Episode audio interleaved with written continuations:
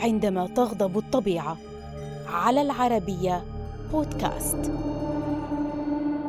مع بداية صيف عام 2017 كان البرتغاليون على موعد مع مأساة تاريخية.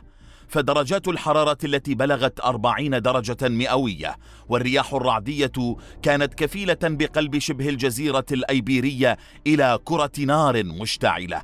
أفسدت الطبيعة الخلابة وحصدت أرواح أكثر من ستين شخصا فماذا حدث؟ بحلول ليلة السابعة عشر والثامن عشر من يوليو للعام 2017 شهدت العديد من المناطق في البرتغال درجات حرارة عالية تسببت في اشتعال حرائق ببعض المناطق الخضراء وقبل أن يتمكن أحد من إخمادها تحركت الرياح الرعدية العاصفة كمنفاخ تم تسليطه على قطعة فحم مغموسة بالزيت وضعت في كانون فانتفضت النيران في كل مكان ليندلع نحو ستين حريقا في الغابات المنتشرة بالبلاد. تم إرسال المئات من رجال الإطفاء ومئة وستين مركبة للتصدي للحريق فيما بدا للكثير من السكان في بداية الأمر أن النيران بعيدة قبل أن تصل ألسنة اللهب لأبواب منازلهم. لقي ما لا يقل عن ستين شخصا مصرعهم وهم يحاولون الفرار من ألسنة النيران. بعضهم احترق في سيارته وهو يحاول الفرار.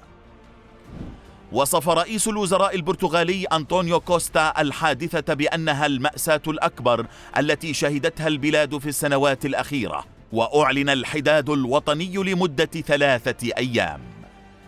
أصيب أكثر من 240 شخصا بينهم رجال إطفاء. تم نقلهم لمستشفيات في لشبونة وبورتو وكويمبرا.